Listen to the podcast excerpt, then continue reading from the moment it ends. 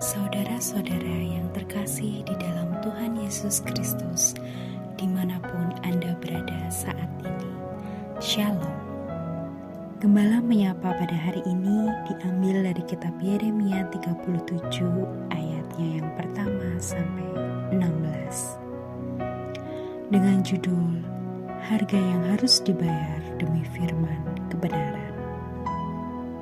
Saudara-saudara yang terkasih di dalam Tuhan, orang yang membawa berita yang tidak menyenangkan hati sering menjadi sasaran kemarahan dari orang yang menerima berita. Inilah yang juga dialami oleh Yeremia.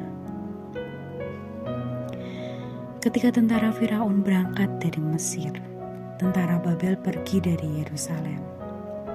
Kemudian Yeremia menyampaikan firman kepada Raja Sedekia yang meminta petunjuk Tuhan bahwa tentara Firaun yang telah berangkat untuk membantu Yehuda dalam menghadapi Babel akan pergi ke Mesir. Dan kemudian tentara Babel akan datang lagi mengepung, bahkan menghanguskan Yerusalem dengan api. Pada saat tentara Babel meninggalkan Yerusalem karena takut kepada tentara Mesir, Yeremia yang waktu itu keluar ke Benyamin untuk urusan keluarganya ditangkap. Yeremia dituduh mau menyeberang ke Babel sehingga ia dipukul dan dimasukkan ke dalam penjara. Yeremia tinggal lama di ruangan cadangan air di bawah tanah. Saudara-saudara yang dikasihi Tuhan, manusia sering hanya mau mendengar apa yang mau mereka dengar.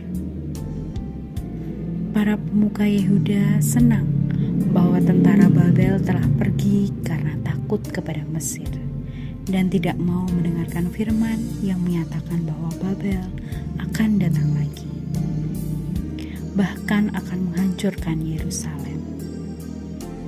Maka Yeremia yang membawa berita negatif itu difitnah dan dimasukkan ke dalam penjara. Saudara-saudara yang terkasih di dalam Tuhan, mungkin kita juga sering melakukan tindakan yang sama, yaitu tidak mau mendengar apa yang tidak kita sukai karena itu, jika kita setia menyampaikan apa yang Tuhan ingin sampaikan, jangan heran bahwa kita mungkin diperlakukan dengan buruk. Kita harus bersiap untuk membayar harga demi menyampaikan firman Tuhan yang benar.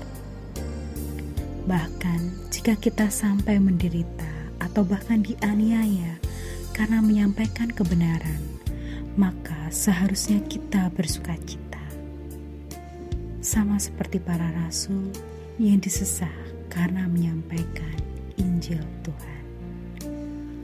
Tuhan memberkati.